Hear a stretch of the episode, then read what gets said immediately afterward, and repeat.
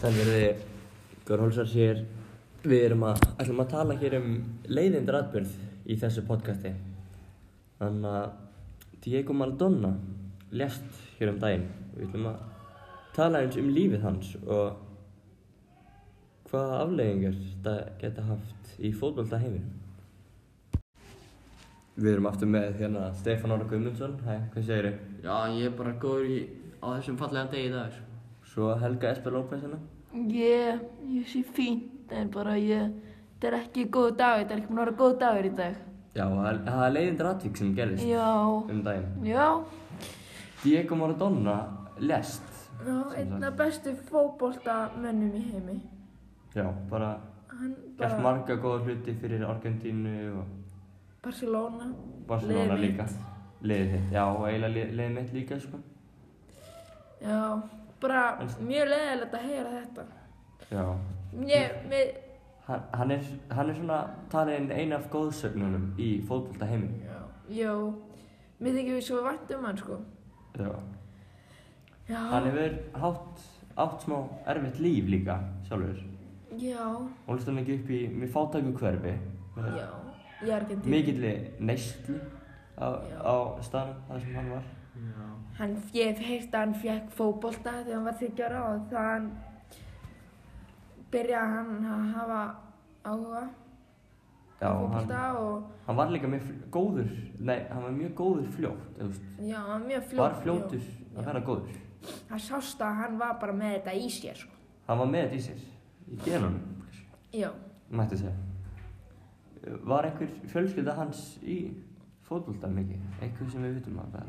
Ég veit ekki, mm, ég veit það ekki, en sko ég veit að Eða kom hann bara frá og var, hann, æfiði mikið og já, varð góður?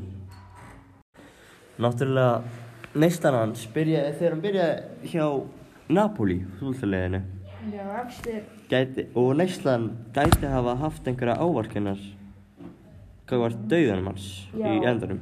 hann er, já, og hann var mjög góður sem sko með landsliðinu sínu í Argentínu. Já, ég samla því, sko, Ég- ég, Líka, mér, mér finnst þið ættum að tala þessum hendi Guðs. já, ég, Já, hendi Guð, hendi Guðs, það er hún var alveg frábær, þannig að þetta var leikur, Argentína móti England Já, og hann er sem sagt með boltan.